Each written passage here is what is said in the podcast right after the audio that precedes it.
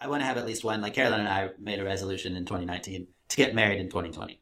We didn't think that would be hard to achieve. so we kind of were very tongue in cheek about it. We are like, did that work out? It didn't work out. Oh, that's a shame. And we decided to copy paste. Uh, yeah. Who do you blame? Over. Do you blame Carolyn or do you blame yourself for failing to get married in 2020? Did one of you just not want it hard enough? I take full blame. Okay. Well, I'm not a crook.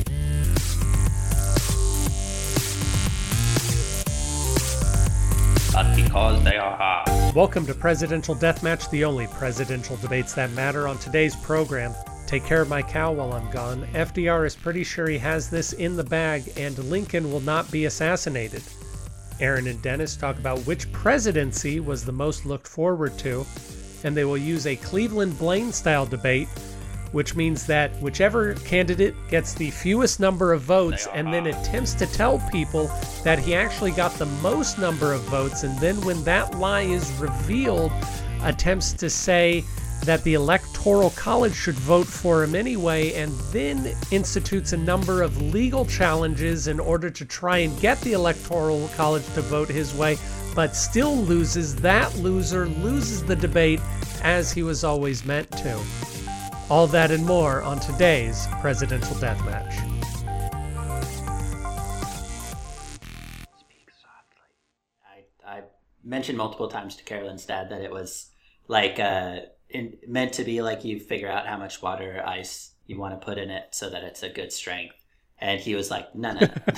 and I was like, no, really? I think he's like, no. and then he texted Carolyn he, and was like, uh, this is a very strong bourbon. And she was like, he was serious that it's like, you know, and he was like, no, no. Even then, even you want me like, to no, go, it's good. It's just strong. Much like not. I'm not saying that Keith and I have a more special relationship than him and his daughter but much like whenever they had those Japanese soldiers in the Pacific Theater who hid out on islands for several decades, refusing to believe that World War II was over, if you want to send me in to Keith's home to to just assure him that it's okay for him to put water into that to lower the proof, I'd be happy to do so.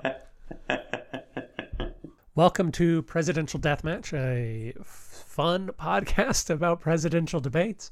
We're excited uh, to have y'all listening to us we here at the tail end of 2020. If you're listening to this, it should be December 31st, 2020, which of course is the last day of the year for poor people. For rich people, they get a couple more days or so, I've heard. Uh, but for us, uh, it's the end of the line. That we keep on the DL.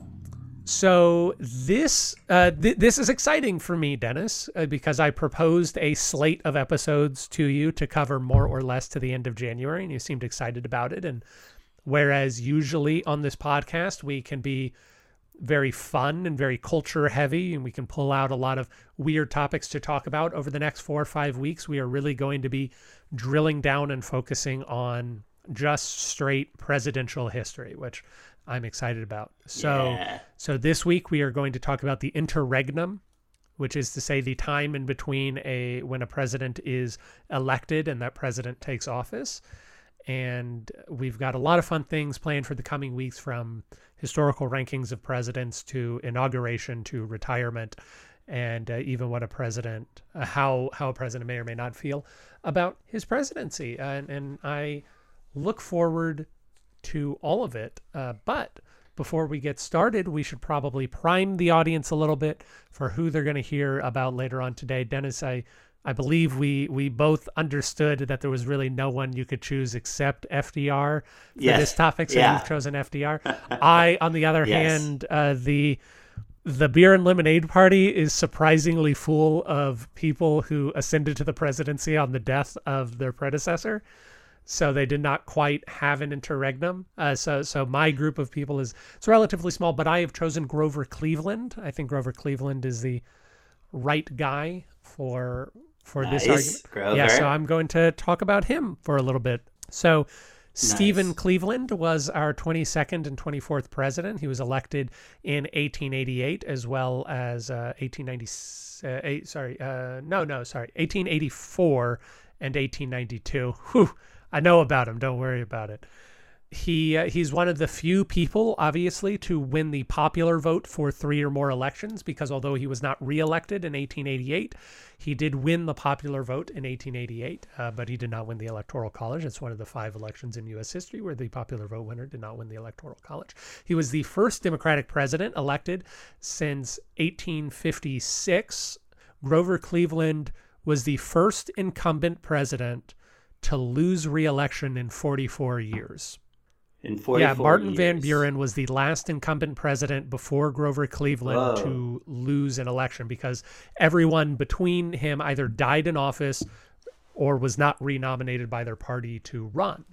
And I, I think especially because he lost his reelection while winning the popular vote, must have been very difficult for for his supporters to accept. But this is all a little bit later. Grover Cleveland uh, was the governor of New York. He was known for honesty, forthrightness, and uh, among other things, he vetoed more bills than any other president, than all other presidents before him combined. So he was the 22nd president. If you took presidents 1 through 21, he outpaced all of their vetoes. Uh, even when stacked on top of each other, which is not entirely surprising because he was dealing with a Republican House and Senate for the entirety of his presidency. But that Of both terms? I believe so. Yes, I I know when, when he Wow. entered the presidency in both terms. This will be the subject. Well, we'll, we'll talk about it in a second. Uh, but but please tell us about uh, FDR, one of the lesser known presidents. FDR. yeah, Franklin Delano Roosevelt. Um, I talked about him once this season already, I believe. But he was he had he was elected four times. Um, I had a couple people in my party too who were who were vice presidents. Three, I think, that who were vice presidents and never had that time. But FDR uh, never didn't have that time. He was always winning stuff. Also, governor of New York came to be president uh, during the Great Depression, and then was president on through World War II. And um, because of the Depression, really, he came in with the New Deal concept. So, really created the idea of government uh, really getting involved and um, and giving people jobs and and a lot of liberalism as we know it today kind of started can be can be kind of the root can be drawn back to uh, Franklin Delano Roosevelt but he was uh, yeah a really classy dude he's a he's a Roosevelt he's related to Teddy Roosevelt um, the classic a very you know old New York Dutch wealthy family um, and had a, definitely the belief that he was meant to be doing that and uh, you know and the enough pride to, to go for four terms as president which led us to making a law about it but um, you know it's i think one of the he's of course remembered as one of the you know main things that's happened in american history sure. uh, it, and uh, I think it would be impossible to know whether that impact has, you know, what parts of it, if they were different, how that would have changed things because he was president for so long and because it was such a impactful time. He was like such a leader. So, how much did that matter? How much of a difference did that make with World War II and all the rest? With that going well in the end? Um, and then on the other hand, you know, was he such a borderline, uh, you know, king that that caused uh, things to be impacted with the presidency in the long term? Uh, as that's one of the trends that we talk about a lot on here is how more and more power has gotten centralized and in, in different ways. So, yeah, I think he's an interesting guy. For sure. So that that will be exciting to talk about in a moment. Dennis, before we go into retractions, let's check in on our election results. Two weeks ago, we spoke to Susanna Ike about who should be the basis of the next Shakespeare play, and I can only assume in a direct repudiation of me and everything I stand for. Yesterday, I checked the results, and they were uh, stable at tied for for all three parties. I wake up today, Warren G. Harding, the disgusting People's Oh Party candidate, gosh. has skyrocketed, skyrocketed in the lead. Oh my gosh, those mail-ins. it's uh, it's rough stuff, but Warren G. Harding takes uh, which which president should be the protagonist of the next Shakespeare play, and the People's Party racks up their second win of the season. Good for them. Oh my gosh. And then last week, Insanity. we of course spoke about uh, Jessica Kelly and Carolyn Cooper joined us to talk about which presidential couple would throw the best Christmas party. And in defiance of all fun. natural law, the Kennedys have yet to score a single vote. and the Eisenhowers are leading the pack currently. It was a lot of fun. I, I really enjoyed having both of them on. the fun-loving Eisenhowers. Uh, uh, Uh, how do you not vote for him? yeah. Well, that's what they said in 1952, Dennis. I, yeah, I, I did become concerned, as has often happened with how uh, how warm and inviting our description of a Hoover party sounded after when I listened back.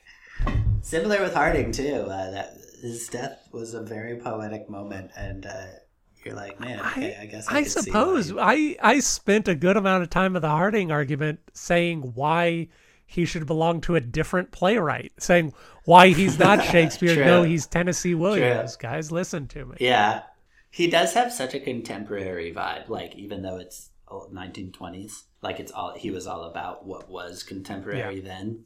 But Dennis, we're going to open up retractions. Do you have any retractions from last week? Um, I don't think so. I was speaking to a constituent this week who said retractions is his favorite part of the episode. And I can think of nothing better but to have no retraction session for him to enjoy this particular. I, I can't think of anything big to retract. There's a lot of information this week that I, I learned that I think is interesting, but I'll probably save that for the main program. In terms of Christmas traditions, there was a ton of stuff that we didn't get to talk about. But for instance, the Johnsons, Lyndon, and Ladybird began the gingerbread house tradition. I don't know if we said that last week. For now, it seems as though Presidential Deathmatch has very little to retract. And so we will end retractions. We regret Nothing. not having heirs. This is regret. true. We are in uh, what some people call the interregnum between kings. We are in that stretch of time between when a president is elected and that president takes office. And I don't know if you know this, but I went through and counted.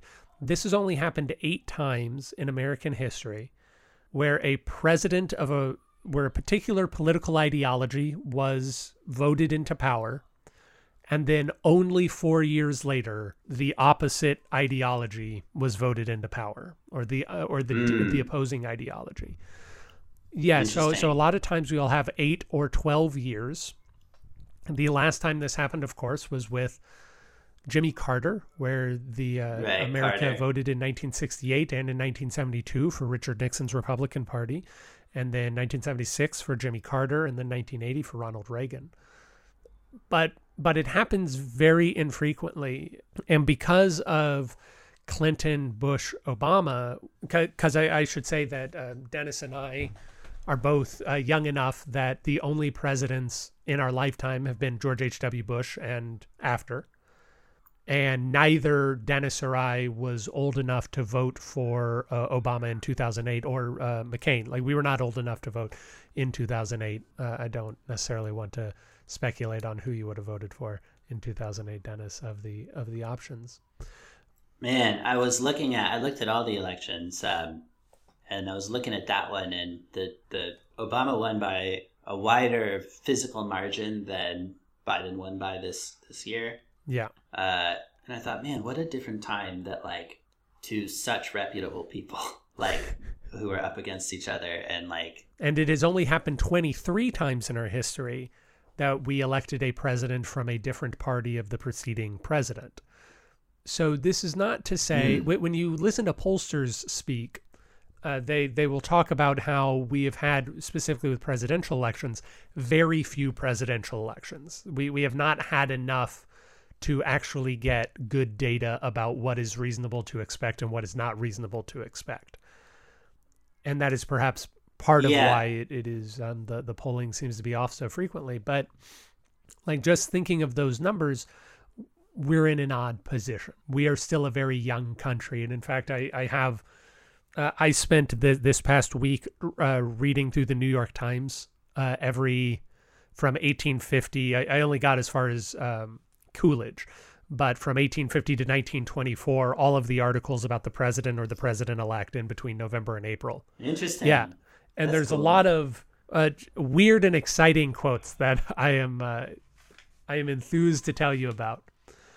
But just as a, a way of letting everybody think about how young our country is. In 1860, the New York Times reported that there was a man named Ralph Fortnum who was 104 years old, and he was a, uh survivor of the Battle of Bunker Hill. Which uh, Dennis, do you know the Battle of Bunker Hill off the top of your head? Yeah, Yeah. don't shoot until you see the whites of their eyes. That's that's that battle. Yeah, and good use of hills in that battle. 1775. So Ralph Fortnum theoretically fought in Bunker Hill, and he survived Okay. until at least his 104th birthday in 1860. The New York Times announced that he had voted in every presidential election that America had ever had, and was intending to cast his vote for Abraham Lincoln. And at the same Wow. and at the same time, Dennis, there was a man in, and anyone who's interested can look this up on YouTube. In 1956, on a television program called I've Got a Secret, a man appeared named Samuel Seymour, okay. and he claimed that he saw when he was a boy Abraham Lincoln assassinated in Ford's Theater. And so we have, if you just just want to try and wrap your head around it, in the lives of two men, Ralph Fortnum, who fought in the Battle of Bunker Hill and lived to vote for Abraham Lincoln, and then Samuel Seymour, who was born approximately 1959, and when he was five years old saw Abraham Lincoln get assassinated and lived until 1956 on broadcast television to tell everybody that he had witnessed Abraham Lincoln be assassinated. We've had the vast majority of our country seen through the eyes of the lifespan of these two men. And he died in 1959. Uh, he died in 56. Oh, okay. Well, I, I, uh, and then our our moms were born in '59, as everyone. and then our moms, yeah. So, so if you take Dennis's mom is slightly older than my own mom, as we learned last week. So if you take Ralph Fortnum, Samuel Seymour, and I forgot your mother's name. I apologize. And Nancy Buddy, you have the entirety of American history in just those three lifetimes, more or less. Yeah. So so the the big weird thing about the interregnum, I wanted to talk about how the people felt because I know that Dennis, you and I have opinions about Donald Trump's presidency, and we have opinions for what we want to see from a Biden presidency, and we have uh, probably feelings of concern for this time period in between when Biden was elected and when Biden takes office in in about 24 days. Uh, from when we're recording this. And I wanted to know what other people, what the people of America felt in the election of their presidents. And unfortunately, newspapers didn't really record it because we know what presidents do. Like we know right now what what Joe Biden is doing. He is figuring out who he wants to run his government. And he is appointing people and he's announcing initiatives and he's doing things. And at the same time, we know what Donald Trump is doing. He is pardoning people who don't deserve it harkening back to our pardon episode, but he's pardoning people and he's trying to wrap up things and he's trying to muscle the last bits of his presidential power to um Right.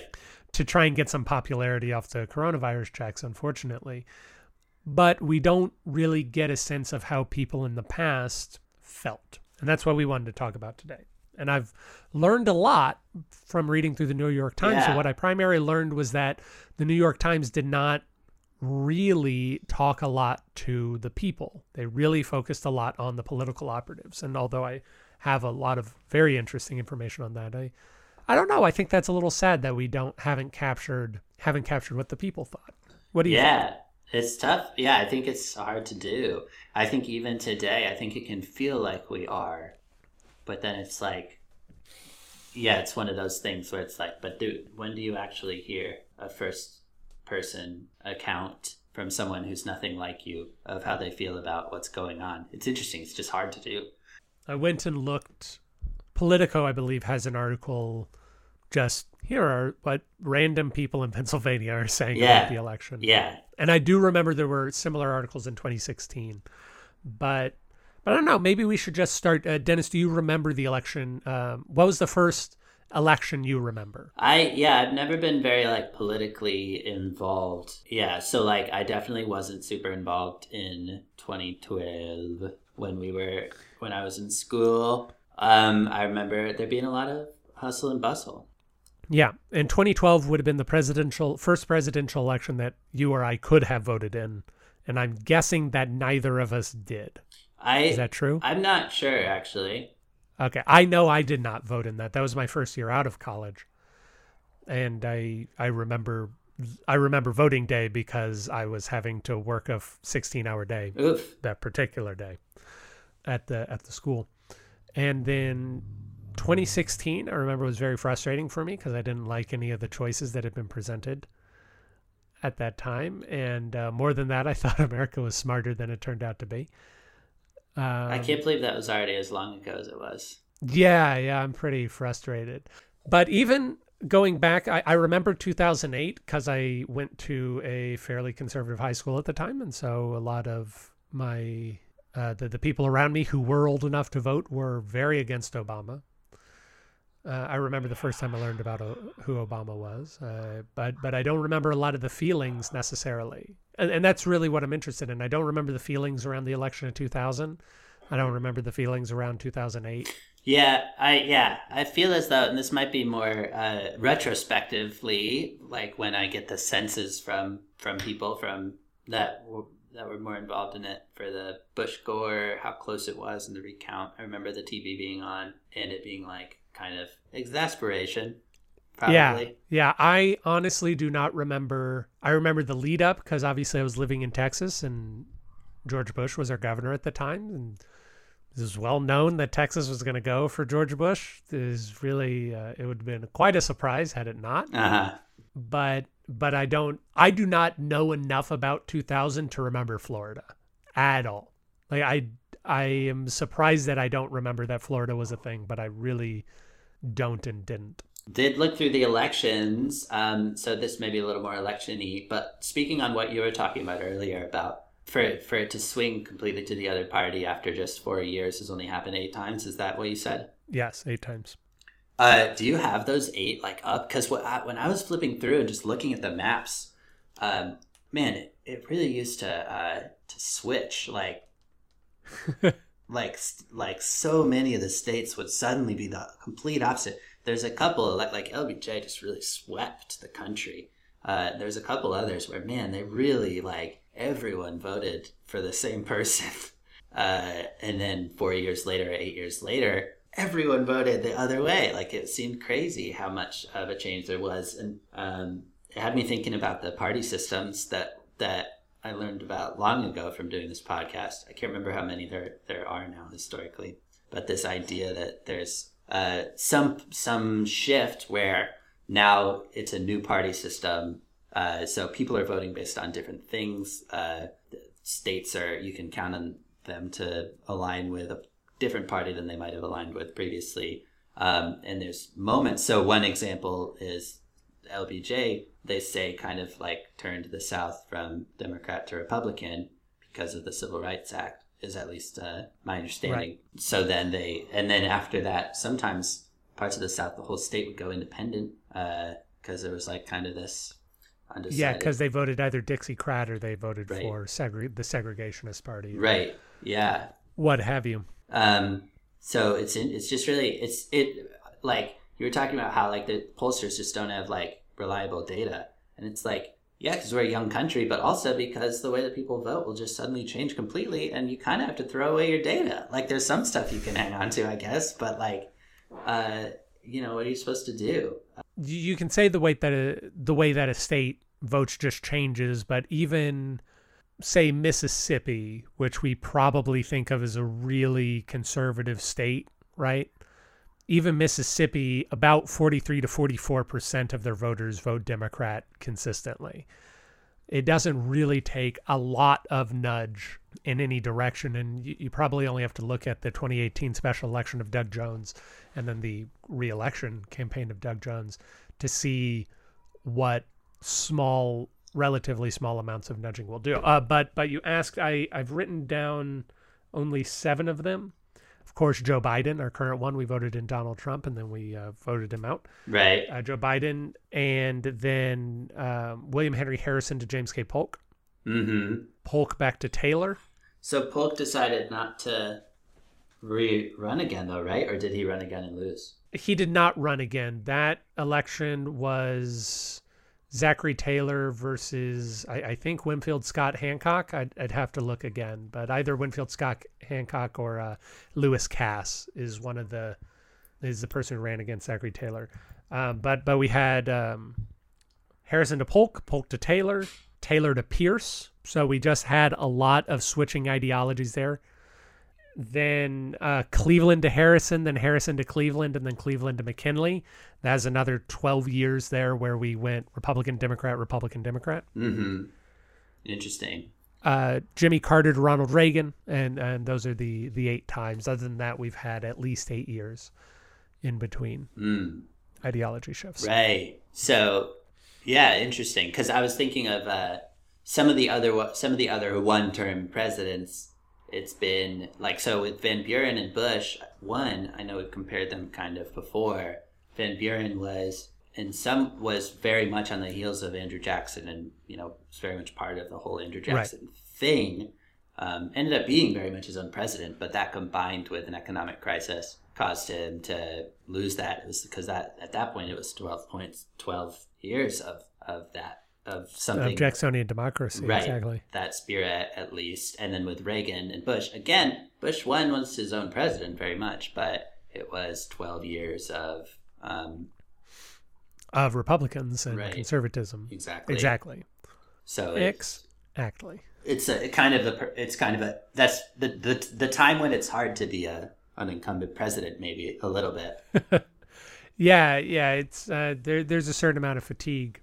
Although I do think that there is plenty of excellent evidence to suggest that in those two examples, both Martin Van Buren and George H.W. Bush were more hurt by economic downturns in their presidencies for caused sure. by the policies of their very popular predecessors than Yeah. anything that they did. Uh, but we're actually going to dig into that topic a ton next week. I'm very excited. Dennis, I, I'm going to read for you some things that I found out from the New York Times Okay. About the period. So, so one thing that I want to put into the minds of all of our listeners is right now a lot of people were fretting over the 75 days in between when Donald Trump was not reelected and when Joe Biden takes office, and how much damage could Donald Trump do, or how much work could Donald Trump do in those 75 days? Well, of course, until uh, as Dennis mentioned in his preview of FDR, that is not always the case we um, up until 1934 or so we used to inaugurate presidents on march 4th so we actually had four and a half to six months in between the election of a president and that president taking office which is in our modern time just enormous like can you imagine trump staying in office until march 4th it'd be Yeah. just why like the question would be why yeah. why should he be in England? The new prime minister enters Downing Street, uh, their equivalent of the White House, within 24 hours Wow. of being elected. Interesting. Yeah, yeah. So, so I, I was reading six months of New York Times papers for uh, every election cycle, and the first thing I've noticed is that the New York Times wasn't super interested in the president elect until Warren Harding, Warren G. Harding. Interesting. Yeah, there were a lot of articles about Harding. There were a lot of articles about Clinton, about Bush, Obama, Trump, Biden, uh, Kennedy, Nixon, etc. But there weren't a lot of articles beforehand. Of course, we know that in the 1880s, the presidency was seen as uh, a much more bureaucratic role, administrative role. Important, yes, but not as important as Congress. And it wasn't until Woodrow Wilson, who's the immediate predecessor to Warren G. Harding, that the presidency began taking on the kind of monumental importance in everyday American life that it currently is. Right. But but I thought that was interesting is that there aren't a lot of articles about who the president wants to appoint. There aren't a lot of articles about what the president's opinion on things are until Warren G. Harding and specifically whether or not we would enter the League of Nations. And there are actually several articles uh, around 1920. Uh, William Jennings Bryan is a prominent Democrat at the time who had run for Democratic president three times, twice against McKinley, once against Taft, losing all three times, of course, where he shortly after the election, there was an article in the Times that said, Bryan wants Wilson to resign. So back when we talked about Hughes, we we spoke about how Wilson had a brief plan to appoint if Charles Evans Hughes won the presidency, he would appoint Charles Evans Hughes as Secretary of State and then have him and his vice president resign so oh, that Oh, yeah. Hughes could become president. Essentially, Bryan in, in Wilson's um, when Warren G. Harding wa was elected, Bryan was advocating Wilson to do that plan, enact that plan. But then about a week later, there was another article that said Bryan still thinks Wilson should resign, and that just occasionally popped up in the Times. That's funny. Yeah. Um, it's funny because, like, I, because once you say it, it's like, yeah, like, it's not like, uh, it's not like interesting to know, like, who Biden's choosing. Like, it's not like I need to know that in the moment. Like, it doesn't Right. need Unless to be an me. article that, like, tells me that on the day it happens. So I can understand why it wasn't happening for a while. Like, if, if, uh, you know, he started being president and there was, like, a big piece about his cabinet, that would be plenty. like I wouldn't be like, wow, I can't believe I didn't know this earlier. So Antony Blinken? Had I known, I would never. yeah, I'd I'd see too that how um, maybe technology factors in. I think you even mentioned last week that Coolidge was kind of the beginning of being able to even like have radio stuff and all the rest. So Right. that that makes sense as well. So I think that there is arguably no more important time for an interregnum than the Great Depression, which is what you're gonna, I, I imagine, primarily base your argument on. The people were really looking forward to FDR because they did not approve of the way that Hoover was handling the Great Depression and they wanted it. And uh, today in 2020, we would probably agree that the coronavirus pandemic and the ensuing economic downturn are also very important. But uh, we should not forget the election of 1860, the election of Abraham Lincoln, and the impending Civil War. Because, of course, because the Republican Party was founded on not necessarily an abolitionist movement, but certainly on a reduction of slavery, and they were an anti slavery party, that a lot of southern states got very antsy once Lincoln was elected. And in February, which of course is a month before he takes office, seven states secede from the Union. So this is a very tense time, um, the time in between when Lincoln is elected and when he takes office. Right. Uh, and uh, but the New York Times was there to cover it in March 5th, 1861. They say the day to which all have looked with so much anxiety and interest has come to pass. Then they described how everything seemed to go normally and how everybody was uh, seemingly in good spirits and the country was going well and there weren't any riots in Washington, D.C. on that day.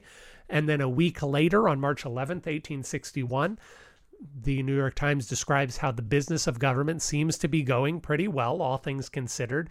Lincoln has not issued any crazy executive orders. He has not ordered a military presence in any of the southern states that seceded. Nothing seems to be going strange. And the New York Times confidently says on March 11th, 1861, Mr. Lincoln will not be assassinated. No way. Yes, uh, they they have a sentence clear as day right there that no one's kicking up a fuss, nothing seems strange. Mr. Lincoln will not be assassinated, and Mrs. Lincoln will not be a grieving widow. Well, that can be our retraction for today on behalf of the New York Times from 1861. Missed That the mark on that one. yes, yeah. Now they uh, four years, four years of it being correct. to be fair to the New York Times, Yeah, I guess what does it mean to be correct? uh, that article also used the word interstinctively, which is not a word I had ever heard of before, but I like it. Interstinctively. Interstinctively. Yeah. It's all yeah, there's the interregnum and then right behind the interregnum is the interstinctively. Now, I don't know exactly what I'm going to talk to be entirely honest with you, Dennis. I'm sorry to give the game away. Usually, I I expect to lose these debates since Dennis's family is is really uh, hanging in with him. Supportive? But but uh but Love it. honestly, once I realized that you had FDR, I thought, well, there's no possible way I can ever win this debate.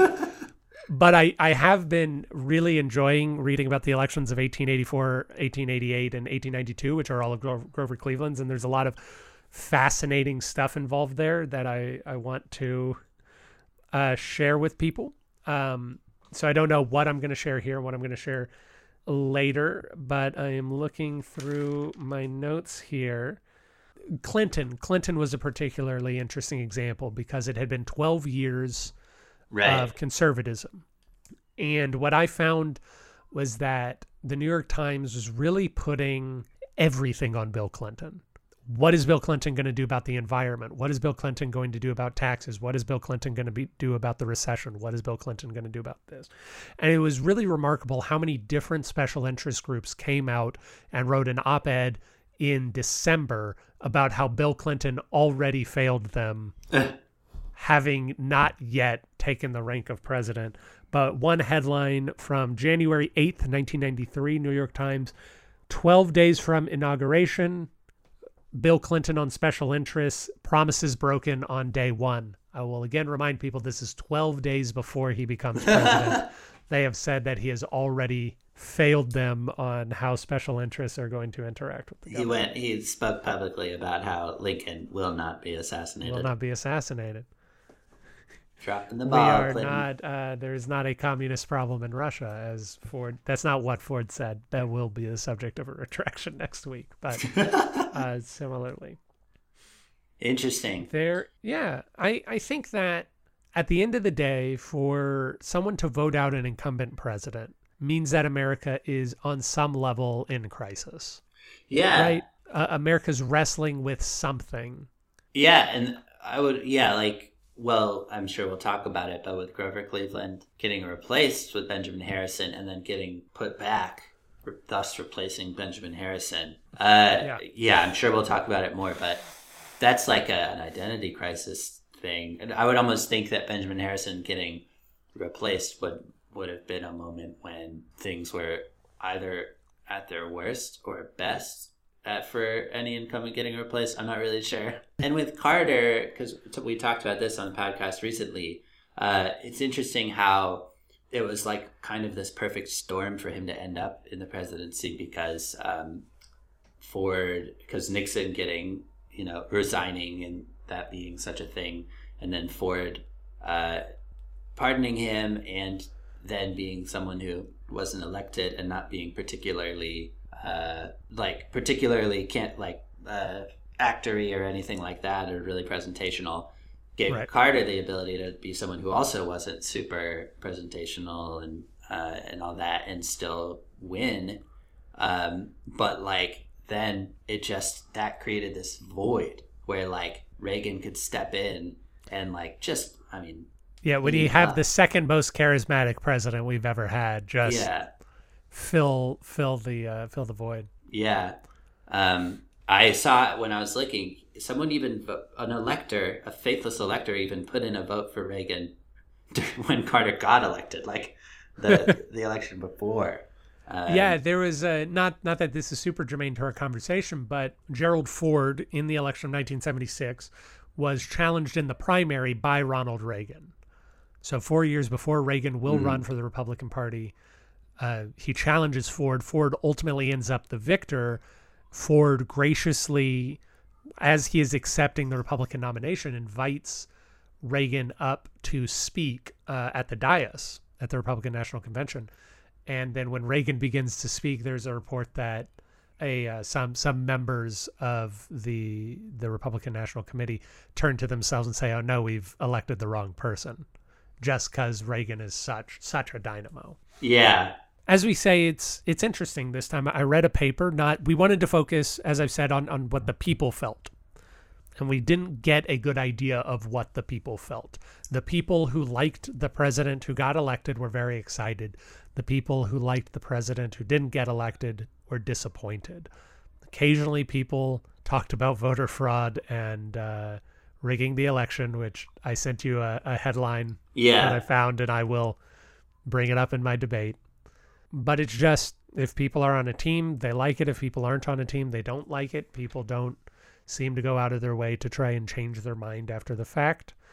And whenever America turns its back on the incumbent president is usually because America is hurting in some way and doesn't know how to fix itself. It's a person for whom crises can be attributed. It's been the case since the beginning. Indeed. the I certainly at least since Martin Van Buren with the Panic of 1837, and and that it's interesting because with him it's like he kind of deserved it because Jackson really broke stuff with the by repealing the national bank. But before that, I guess like Madison, the War of 1812. Oh, but when you have a war, you always are a hero, I guess. So We're going to talk a lot about that next week, as a matter of fact. Okay. Um, because Monroe being his kind of, you know, better half, and he was he followed him and was just fine. But yeah, Yeah. Dennis, uh, we are, as we said, today is New Year's Eve. happy New I said Year's. that weird. Today is New Year's Eve. And we are uh, excited. So, Dennis thought that, uh, well, Dennis, why don't you tell people what you thought? Um, we uh, I was thinking about resolutions, thinking about resolutions for this pod, but none of them were that interesting. More listeners, more subjects, more presidents, more other people, More uh, interviews, more interviews, more uh, shirts. more more shirts. It'll be a good year for shirts. We'll do Pantone yellow. Will be really Pantone yellow and gray. Yeah, I'm a uh, goldenrod kind of guy. So instead, I thought, well, what were the president's resolutions? So I wanted to try to put us in uh, December 31st of various different years and try to try to think to ourselves what the uh, what the resolutions might have been like for that president. A few few of these different ones. Yeah. So looking at looking at 1838, good old Matt Van Buren. Yeah, MVB. Um, he uh, he of course he was dealing with the Panic 1837, which kind of um, didn't just blow over. It was still and it was still affecting him through kind of his whole presidency. Yeah, as But- someone I, I read today, someone said Martin Van Buren presided over the longest depression in U.S. history, which makes it longer than the Great Depression itself. which is just nuts. Yeah. Um, so he was that that was uh yeah because he was president until 1841. So um so it's halfway through his presidency, 1838. He was in the middle of dealing with some Texas stuff. He's got to get rid of those Indians. Just get Yes. them the hell off our land. Yeah, We came, we saw, we evicted. forcible removal. Yeah. Texas withdrew the annexation offer in 1838, so he's he's got that wrapped up. Yeah. So he, yeah. He wipes his brow. He says, whew. Next year, less talking about Texas. Yeah. Well, let's thank Dennis uh, also about, oh, I don't know, 1864. Abraham Lincoln, it seems the Civil War's wrapping up right now. Robert E. Lee's going to surrender in two to three months. Mm. What, what do you think's on Lincoln's mind around that time? His New Year's resolutions: take a nap, Yeah. Uh, Lincoln, big on naps, that guy. big on naps, uh, read some Shakespeare, go see a play. I would think he'd be yeah. Uh, well, it's one thing we've talked about on this podcast, but uh, the Reconstruction. One wonders if no matter who it was really attributed to would be considered a failure, and so if he hadn't been assassinated, if his uh, he'd be way less well remembered, or if he would have handled Reconstruction a lot better than it was handled. Yep, is true. So I would think uh, he might have some things along those lines very much in his mind about how to uh, how to ensure maybe in the coming year try to you know really put together a plan for next steps for reconstruction for reconciliation. Can I ask you for a, a sneak peek of your FDR argument? All right. FDR is going to run for president for the last time in 1944. He will be elected in 1944. So let's look back on 1943 when he is Okay. weighing whether or not to run for this historic fourth term as president. But also, he knows that he's going to die and he needs to choose who he wants to succeed him by choosing his vice president. We know that he switches his vice president from the man it was, who I, I don't know off the top of my head, um, to Truman, but that Truman isn't necessarily the uh, Henry Wallace. That's who it is before it. Harry Truman isn't the only choice. What do you think FDR is thinking about 1943? Yeah, I think I would think that one of his New Year's resolutions was not to get elected president again. Okay. I think he would have been confident that that was going to happen. I bet that instead a resolution would have been find a good vice president. What do you think he's thinking in terms of what does he want in a vice president? Find a vice president. Like, I think it's a good point that he really wasn't confident that he'd be, make it through the end of his term, his fourth term, which he did not. So um, find uh, find a vice president who would be a good president. Find a uh, yeah vice president with strong leadership skills. Find a vice president who seems cool. find a vice president who's good at um, speaking very coldly and accurately about all previous presidents. Yeah, that's always an important important qualification for It's probably the big Rizzy one. Poozy. That's how Truman nailed his interview. He just said, "Hey Truman, do you have an opinion on Zachary Taylor?" It's like, "Ha, finally someone asks me." Speak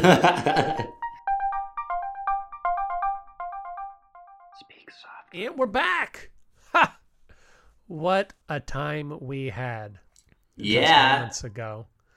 Well, Dennis, we are about to argue which president's presidency was the most looked forward to by America. I am, of course, arguing for that 22nd and 24th president of the United States, Stephen Grover Cleveland, and you are arguing for. Franklin Delano Roosevelt, Okay. who came later. He did. He was a president of the United States. I don't have his number off the top of my head.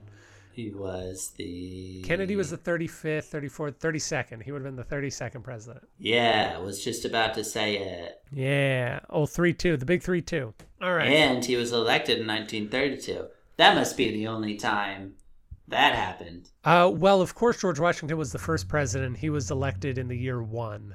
I was like, where are Uh, you going with this? I really didn't see that coming. Uh, yeah, uh, we were very close to James Madison being the fourth president elected in 1804, but of course, Jefferson is reelected in 1804, and Madison isn't Ah. elected until 1808. well, that's some good recall, Aaron. Yeah. I spent a lot of my time thinking about the election of 1800.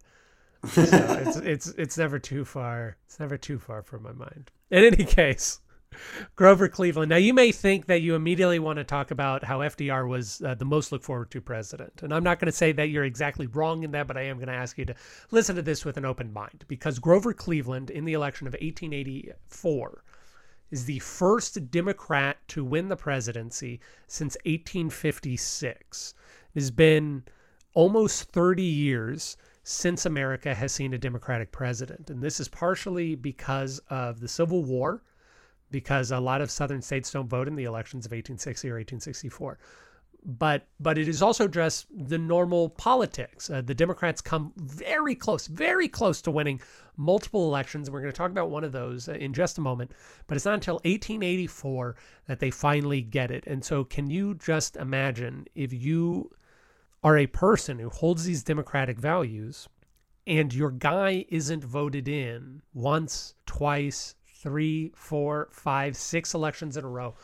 almost 30 years of not having your politics represented at the national level. And you finally get it in Grover Cleveland. And Grover Cleveland is such an honest guy and he and he's such a normal man. He he's not a career politician necessarily. He's not this guy with a national figure. He's a man who rose from being sheriff of Erie County to being the president of the United States within 6 years and he just seems like the kind of guy to restore honesty and decency. And this comes after the election of 1876, when the Democrats win a majority, an absolute majority of the popular vote, but are denied electoral college victory based on party line votes. So Samuel Tilden does not get to be voted in. In fact, there is a quote from 1884 Democrats are talking war rather than electoral commission. 100 guns have been fired by the Democrats who consider the positive statements of the Times as uh, final and conclusive. And Dennis, I trust you will ask me a follow up question about the exact context of that quote. But can you imagine that you are you're so frustrated because you have been locked out for 30 years? You've been locked out, and now Grover Cleveland gets it, and then then even though Grover Cleveland wins the popular vote in 1888, he's voted out of the presidency by means of the Electoral College, but he gets to come back in 1892. And what a sweeter victory that must be! That it feels as though the Republican Party, the opposite party, the opposition party, has somehow conned your man out of the presidency that he won by dent of the popular vote, but that he comes back and wins it fair and square four years later. I think that must be the sweetest victory, and that Grover Cleveland deeply celebrated and look forward to president after both of his elections. Mm-hmm. Interesting. So he so was that Rutherford B. Hayes, 1876 was Rutherford B. Hayes. and he uh, was did he serve two terms? He did not. He Oh, he committed he- to only serving one, yeah, he pledged to only serve one. and then in 1880 was um, Garfield. Garfield, who then died very quickly, was Sure. killed. Yeah, by uh, and then succeeded by Arthur. Who served just My the man. one term Just the yeah, just the remainder of Garfield's term. because he never actually ran for anything other than vice president, right? That is correct. So then 84 was when was when Cleveland. this fellow yeah, was first elected. 1884 was Cleveland's first presidential election. So one thing is that I was wondering is because Hayes ended Reconstruction, and then Garfield kind of his election must have marked a fairly new era. And I remember people were very excited about Garfield. Why were people excited about Garfield? And was was it sort of were people voting for new reasons? I don't want to say was it a new party system, but like Yeah. was there a new zeitgeist that was causing people to vote for who they were voting for that caused Democrats to start to win?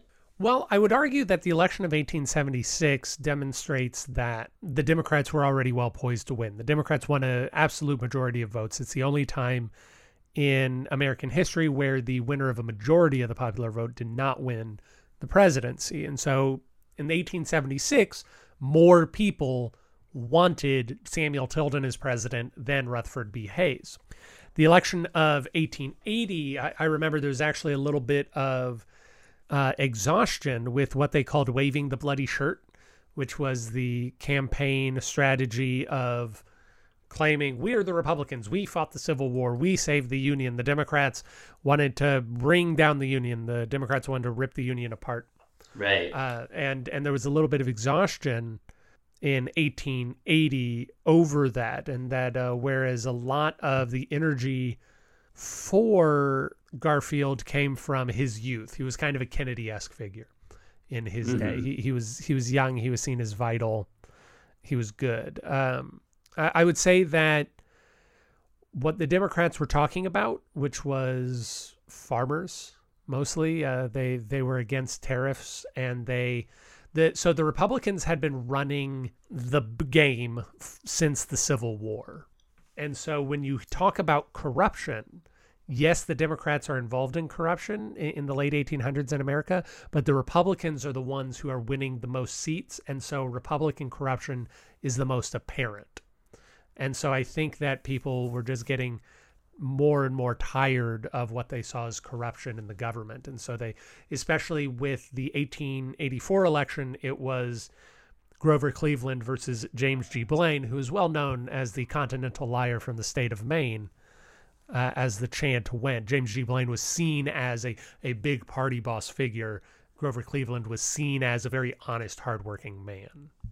And I think this is the primary reason that uh, people begin to vote Democratic, because they viewed the Democrats as more honest in those days. Interesting. Yeah, I, I start to see that picture that the country was maybe with Hayes even starting to be tired of being a post war conversation that the country was, you know, being dictated by and wanted to move on from that and be able to say that there's something different. And then, uh, and so that even though Hayes won that year, uh, which really was kind of that same post war spirit, uh, the next, uh, and obviously just a lot of corruption and all the rest, the, um, the popular vote was with this kind of like, no, it's time for a new spirit and all the rest. It's time for fresh faces. It's time for not the government, the same old government Right. uh, that's like you know the government that got us through the Civil War, like because we're trying to be in a new era. It's interesting to try to think of because I I think Trump parallels that. You know, like a someone from outside of this traditional government kind of realm.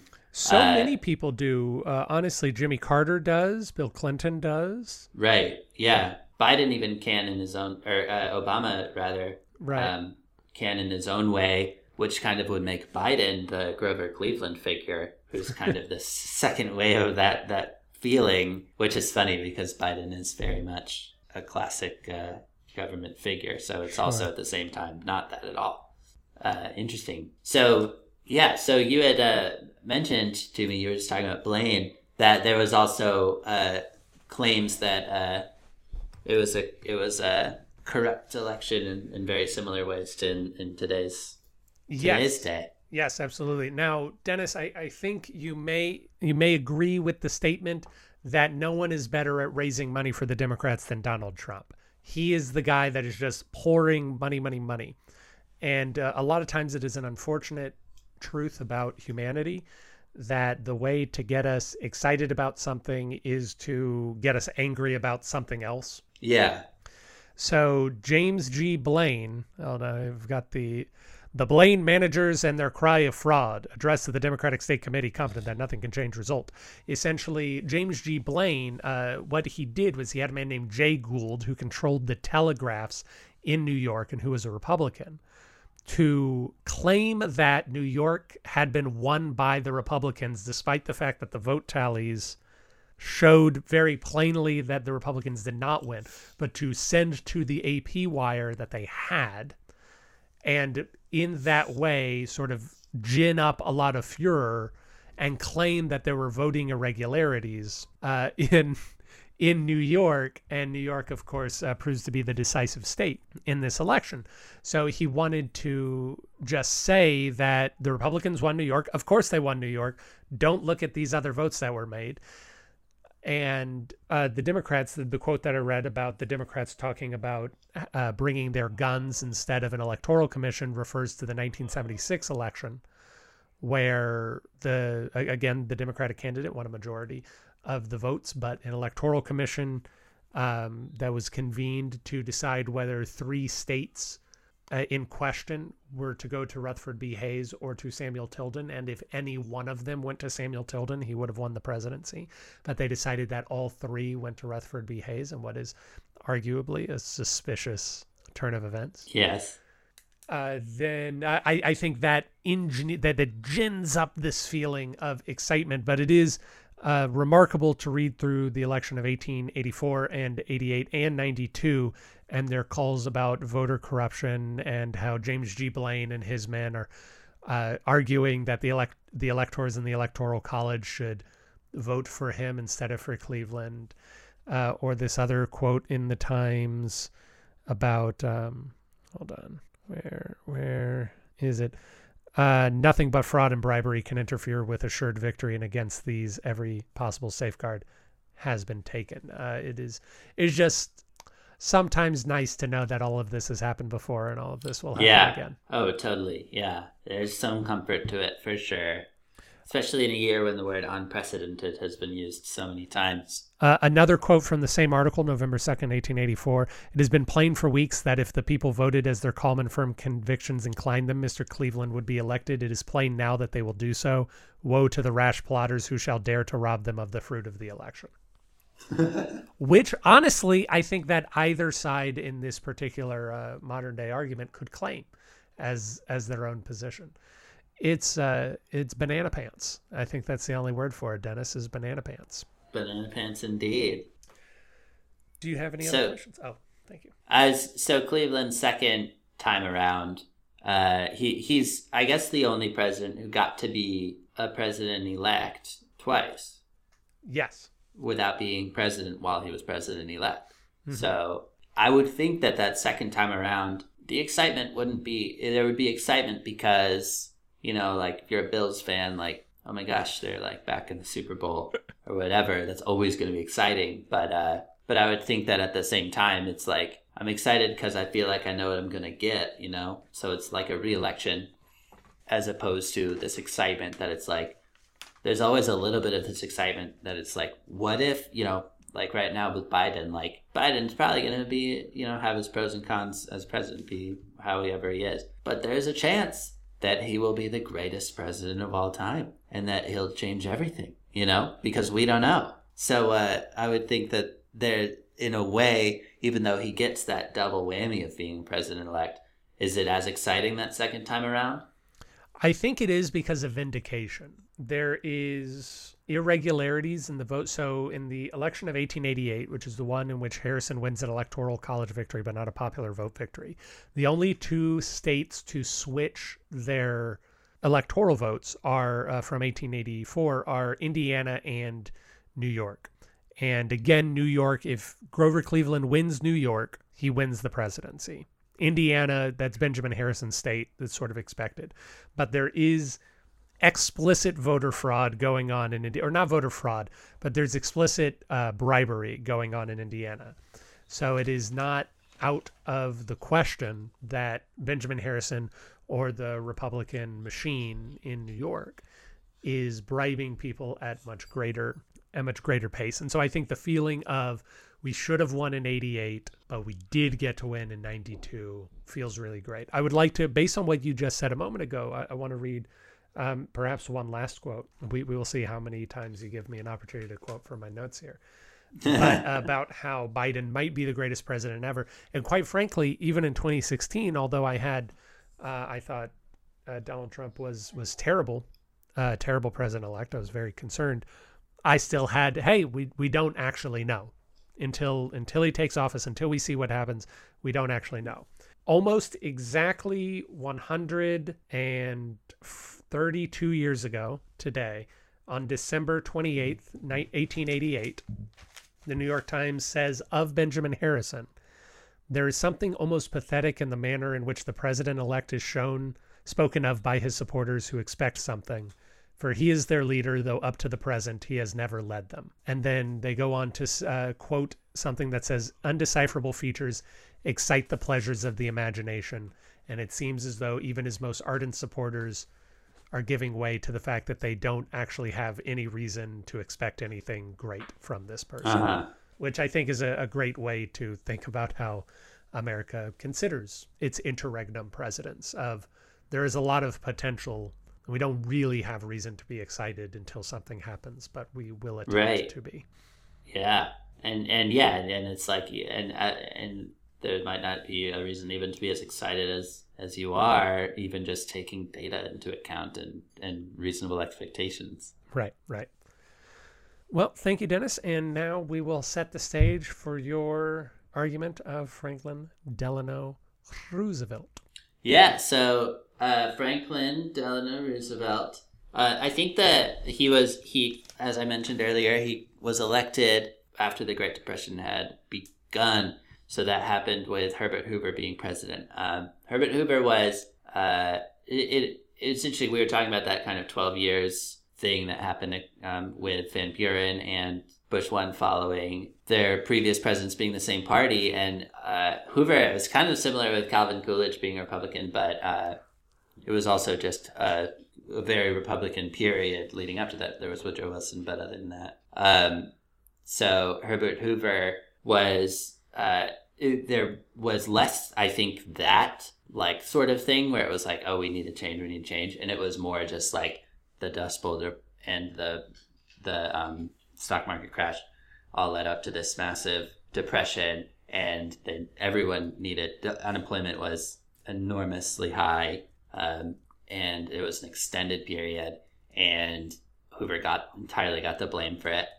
um, long ago in this podcast, Hoovervilles, I mentioned Hoovervilles is just what they called uh, homeless encampments because they blamed Hoover for them. Uh, and if you had when you had empty pockets, so you pulled them out, so they were just out. Uh, that was called Hoover flags, um, a million different things like that. Uh, so people really didn't want him uh, to be there anymore he probably, again, as we've talked about previously, he probably would have figured out some stuff to do, would have gotten more involved. He was a moderate uh, Republican. He wasn't super conservative like um, like Coolidge, but he still uh, didn't didn't do that, and then also wasn't someone who was like going to get out there and really speak and be like, "Oh, um, your leader is going to get you through this." He was more of a doer. He was an engineer, so uh, it really created that moment for someone to come in and be just the leader's leader and also be Democrat who's going to be all about getting super, super involved. And uh, that's kind of where that whole concept even came from with FDR, who at the DNC uh, says right there, I've got this New Deal plan that I'm going to do uh, and I'm your guy, and you know even and just just really is a bold person from day one, uh, and that and I think people really got excited about that that boldness. Thank you. So, in my research on uh, FDR Hoover through reading all these New York Times articles, there is a thing that comes up a lot. And that thing is that in between uh, FDR's election and his inauguration, Hoover keeps reaching out to him to say, hey, let's get on the same page about this because we all want what's best for America. So let's share information, let's talk about it, let's figure out what policies you want to implement so I can begin to implement them. And FDR consistently uh, refuses to to engage in Hoover at all in these four and a half months, uh, leading the New York Times in 1932 to say that it appears as though Roosevelt is trying to ensure that Hoover is the most hated man in America before he takes office.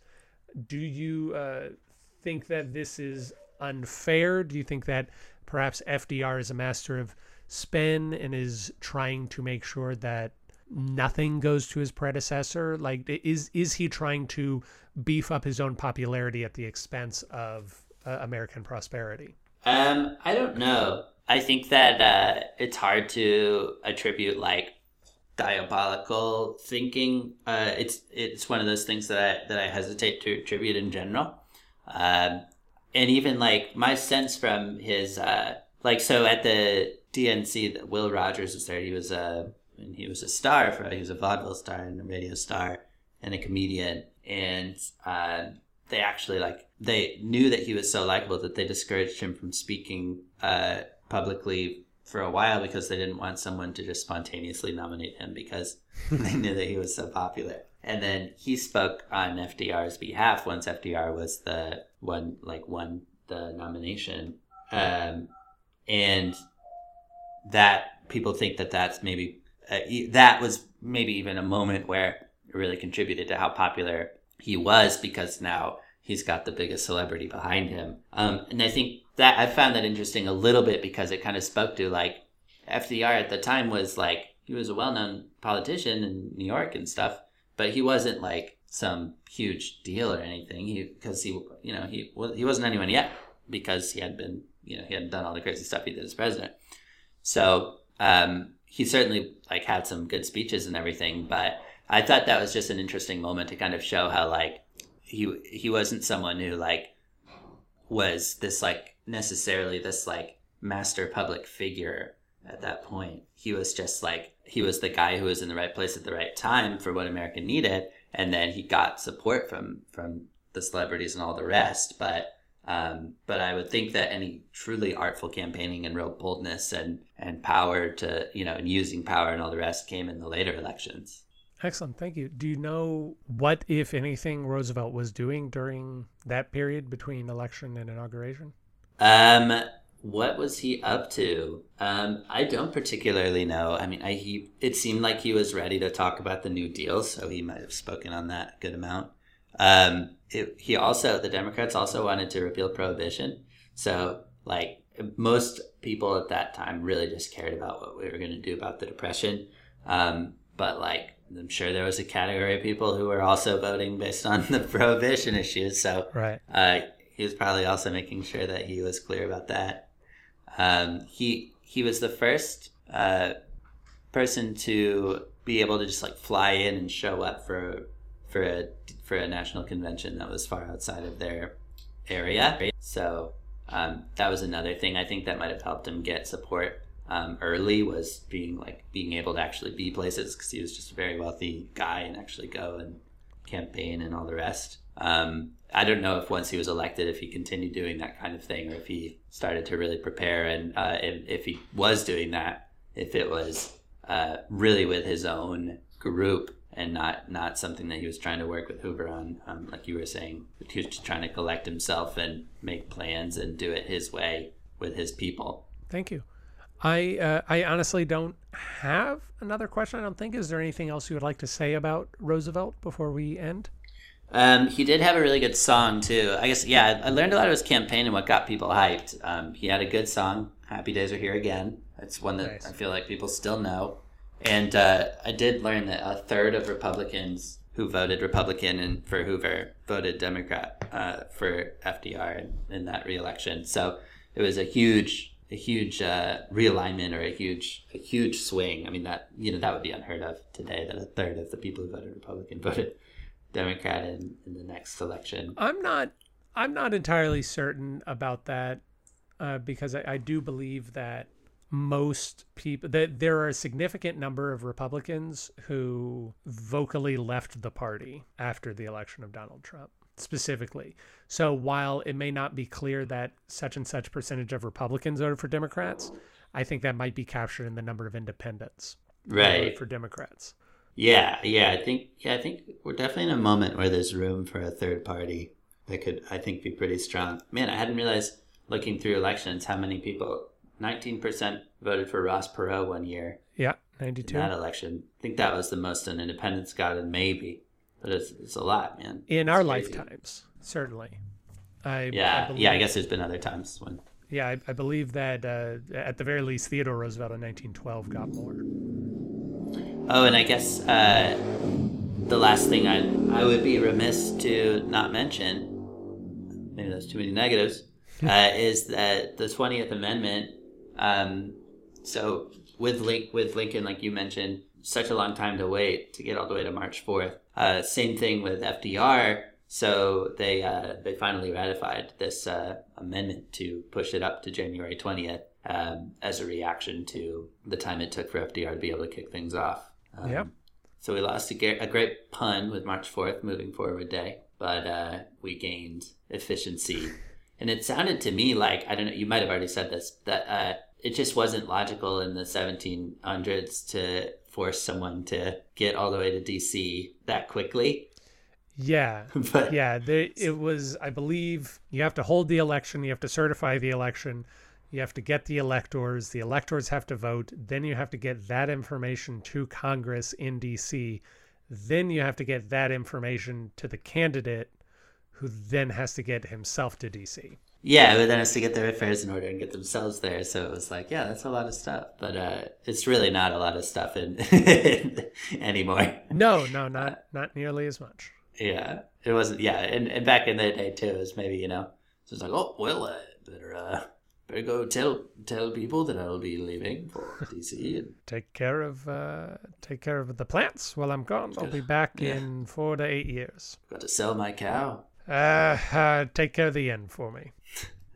well, Dennis, we of course have the People's Party, who people keep voting for. I don't know why, because uh, I guess with our powers combined, the rhetoric is is too much for them to not vote for. But this week, the People's Party has decided to nominate Andrew Jackson for Andrew the Jackson. presidency, which people most look forward to, which I think is a strong candidate for sure.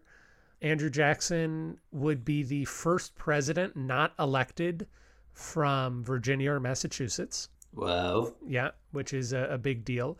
He's the first president who is not an aristocrat, so to speak. He's the first president from um, uh, who made his bones in the military. Of course, George Washington is a big military leader, but George Washington is also very wealthy. Uh, e- even today, second wealthiest president next to Donald Trump. So before the election of Donald Trump, George Washington was our wealthiest president Yeah. and Andrew Jackson, of course, uh, a lot of people thought that he was uh, had the election of 1824 stolen from him. So you have a bit of that comeuppance feeling of we have finally gotten ours. It Right. it totally. Totally. while. But yeah, what what do you think about how the people felt about old Andy J? I mean, yeah, I can definitely see imagining being the way that it, ha- the way that, because that sentiment of like the people's candidate uh, is such a strong. I mean, it's the hero's journey. It's the you know, it's the um, it's the thing that gets written in fiction over and over again. The come from nothing. It's the Amer- It's the American dream, and it's it was such a strong message with Lincoln that it's still talked about today in the log cabin and then it was like you know you had to be from a log cabin and then it's, and uh and you know um and and to think about how that hadn't happened yet. Yeah. And what that must have been like for someone to come up with that narrative for the first time in the political sphere. Uh, or like to, to introduce that narrative at least. At least on the presidential sphere, because I'm, Yeah. Sure it had been. Right, right. I mean, even, you know, William Henry Harrison recognized how powerful that was only a little bit later and really, really took it to town. Um, so, like, I can't imagine how that must have felt people who really identified with Andrew Jackson to think, wait, this is a country where we can do that. Like, we could make this happen. Um, must have been so exciting. And then, like you said, to miss it by that much with the John Quincy Adams election and then to get it, you know, and everything could have, like, everything changed. Like, the hopes of, like, it changing everything came true for better or worse. Like, Right. it was like like people were shooting each other White House lawn, punching each other. The bank, the National Bank, got peeled. Just in absolute insanity. So, uh, yeah, I mean, it, it, and again, like particularly for that class of people who were, I think, uh, big into Jackson.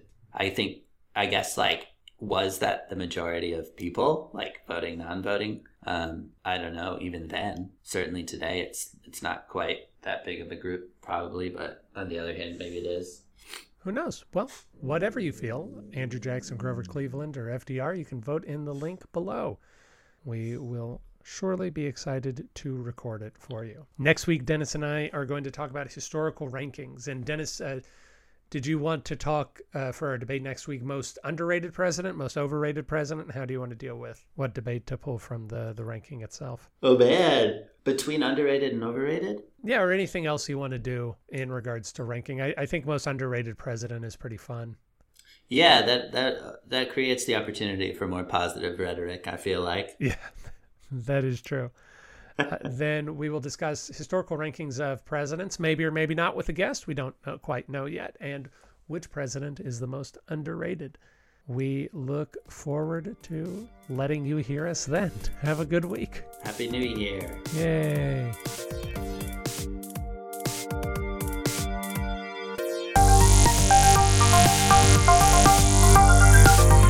Thank you for listening to Presidential Deathmatch. Presidential Deathmatch is a production of Pronoia Theater. You can find more out about us at pronoiatheater.com. This program was edited by Aaron Garrett with music by Dennis Buddy and hosted by those same two lovable goofballs. You can always email us at contact at pronoiatheater.com. If you enjoyed the program, we ask that you rate and review wherever it is you found us. It really helps us out. And if you didn't like the program, why don't you stick around? We really grow on you.